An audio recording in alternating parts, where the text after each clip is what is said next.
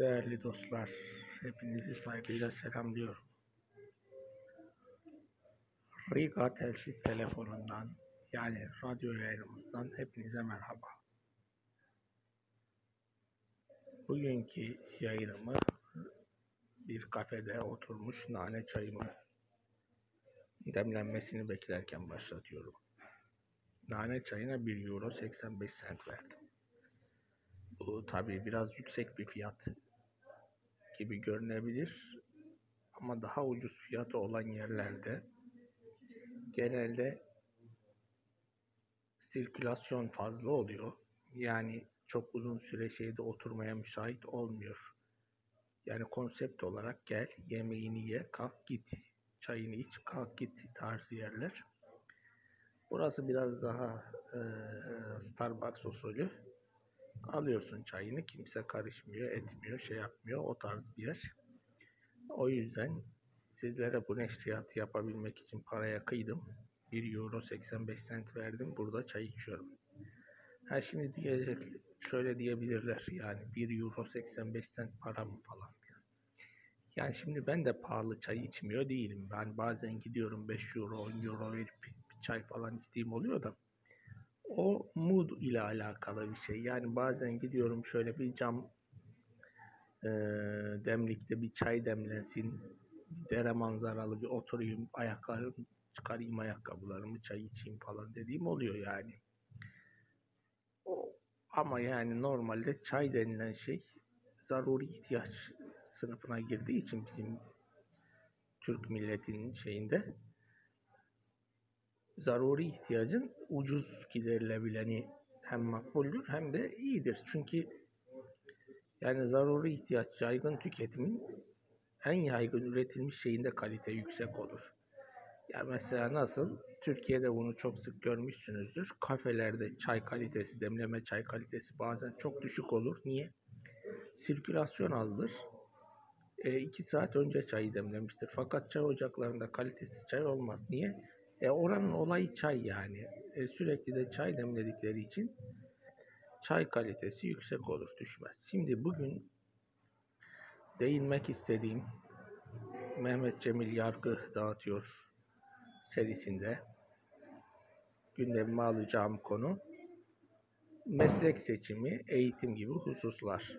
Şimdi bazı arkadaşlar e, meslek seçimini yani e, beyaz yakalı meslekleri seçmenin manasız olduğu, bundan dolayı da üniversite eğitiminin anlamını yitirdiği yönünde e, fikirler ifade ediyorlar. Şimdi bu aslında tabi belli bir gerçeklikten çıkış noktasına alan bir şey.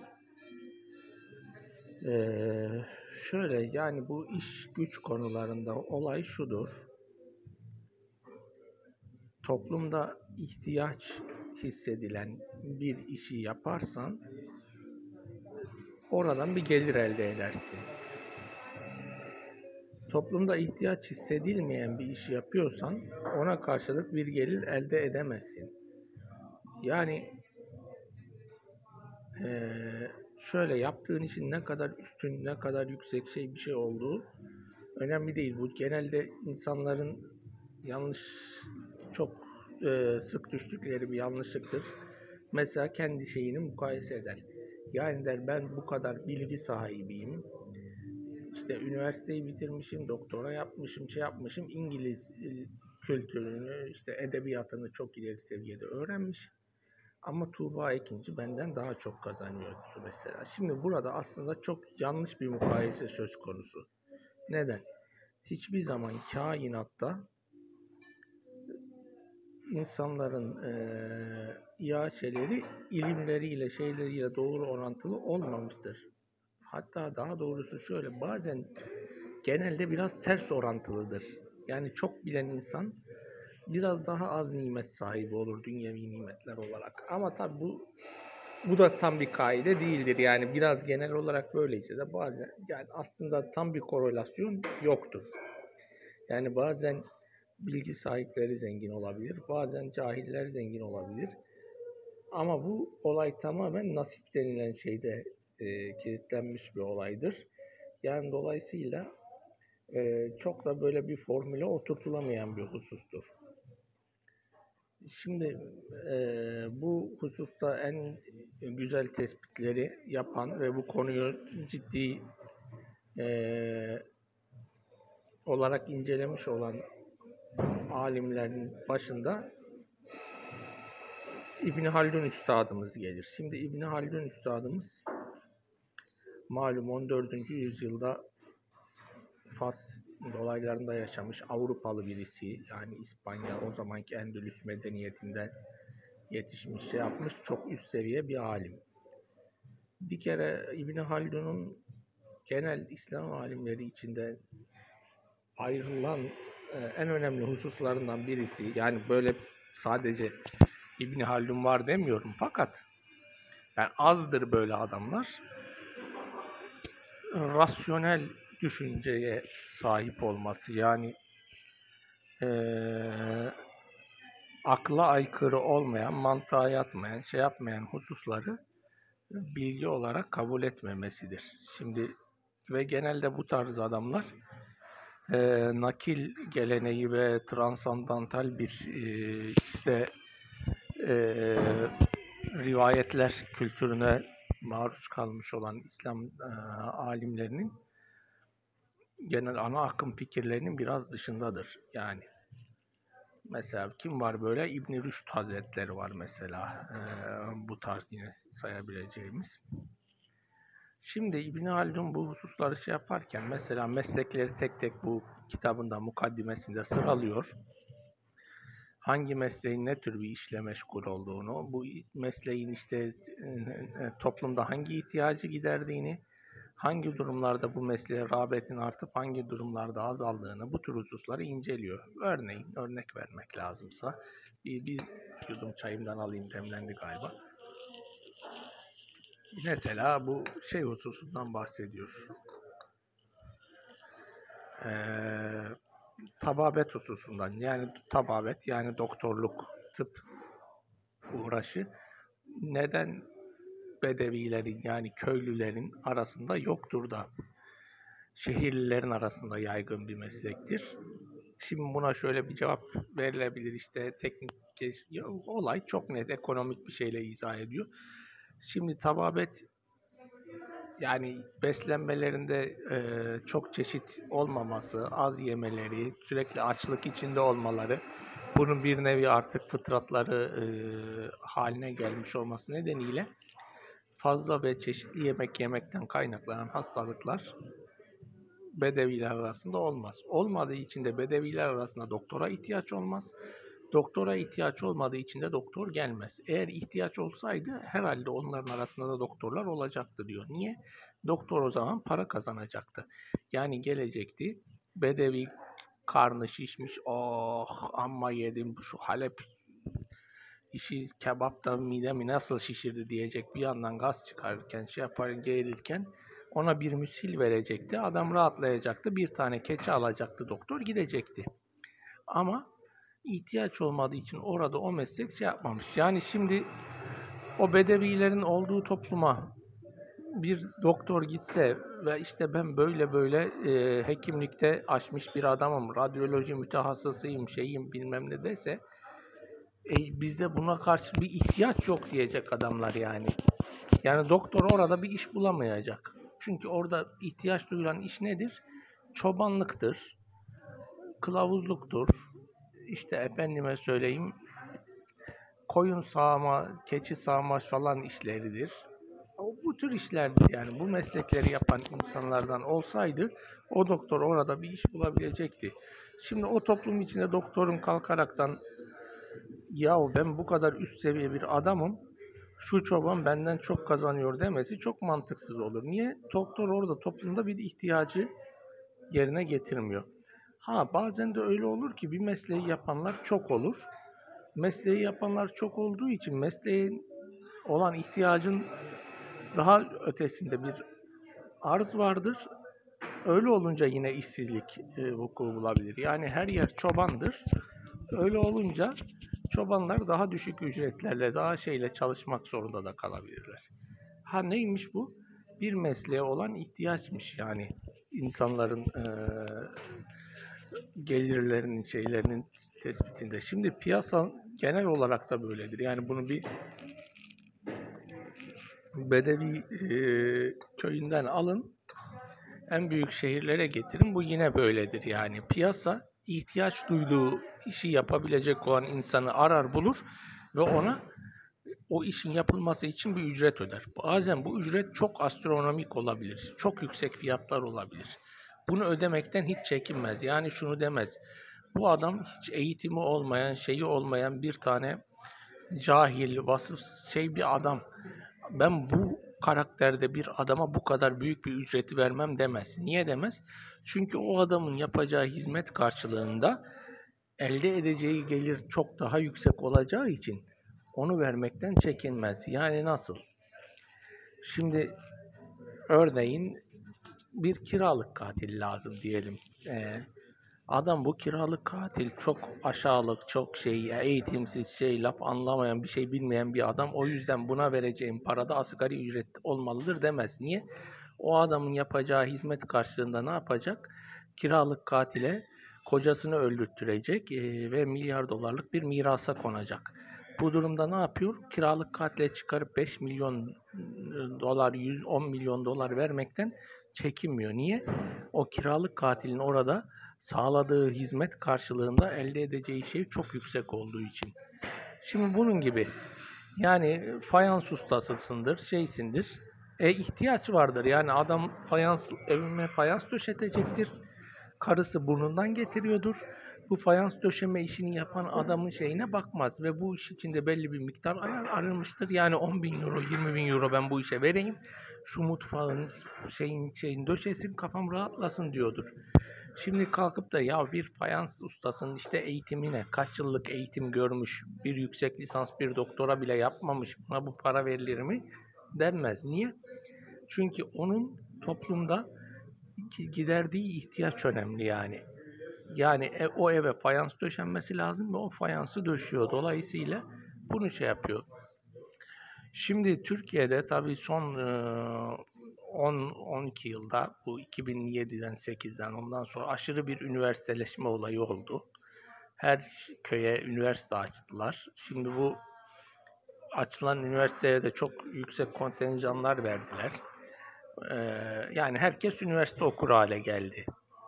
E şimdi herkes üniversite okuyor, bir şey bitiriyor, çıkıyor ve sık sık şu şikayetleri duyuyoruz. Yani diyor ki mesela e diyor ben sosyoloji okudum. Ee, sosyoloji halkın bilimidir. Demek ki çok ihtiyaç vardır. O kadar halk var ama sosyoloğa iş vermiyorlar falan filan. Yani adam o okuduğu, aldığı formasyon nedeniyle halkın toplumun var olabilmesi için kendisine ihtiyaç hissedeceğini düşünüyor. E hissetmiyor. Hissetse zaten seni bulur. Yani toplum neye ihtiyaç hissediyorsa onu buluyor ve ona bir bedel ödeyerekten o işi yapmasını sağlıyor. Yani e, e, ne olmuş? O, okudum diyor, matematik öğretmeniyim diyor. Ya, iş bulamıyorum. Ya demek ki matematik öğretmenine toplum ihtiyaç duymuyor. E o zaman da şöyle bir cerbeze başlıyor. Yani diyor ki toplumun işte öğretmenin işte bilmem falancadan filancadan daha az maaş aldığı bir ülke gelişir mi? Şimdi gelişir. Hatta asıl öyle bir durumda ülkeler gelişirler. Niye? Ya çünkü hiçbir zaman hiçbir toplumda eğitimle şeyle şey orantılı olmaz. Öyle olsa zaten evliyalar çok zengin olurlardı. Peygamberler hani en üst ilme şeye sahip olan insanlar oldukları için zengin olurlardı. Ama mesela o 25 peygamber e, Kur'an'da geçen 25 ya da 28 e, peygamber kıssasında bakıyoruz. Peygamberlerin çoğu zengin değil yani. Şimdi biliyor musunuz? Demek ki bu olay bununla şeyle alakalı bir olay değil. Evet, siz toplumda ihtiyaç olmayan bir mesleğe dair eğitim almış olmakla toplumun işte sırf bunlar eğitimli toplumun seviyesini yükselten insanlar diyerekten size e, para vermesini bekliyorsanız bu genel işleyiş böyle olmuyor. Peki e bakıyorsun diyorlar ki yani Avrupa'da ya da Amerika'da diyor ki adam diyor üniversite okumuyor ya önemsemiyor burada. Niye önemsemiyor? Ha şimdi üniversitede belli bir doyuma ulaşılmış. Üniversite okuduğunda daha iyi bir iş bulabileceğini düşünmüyor.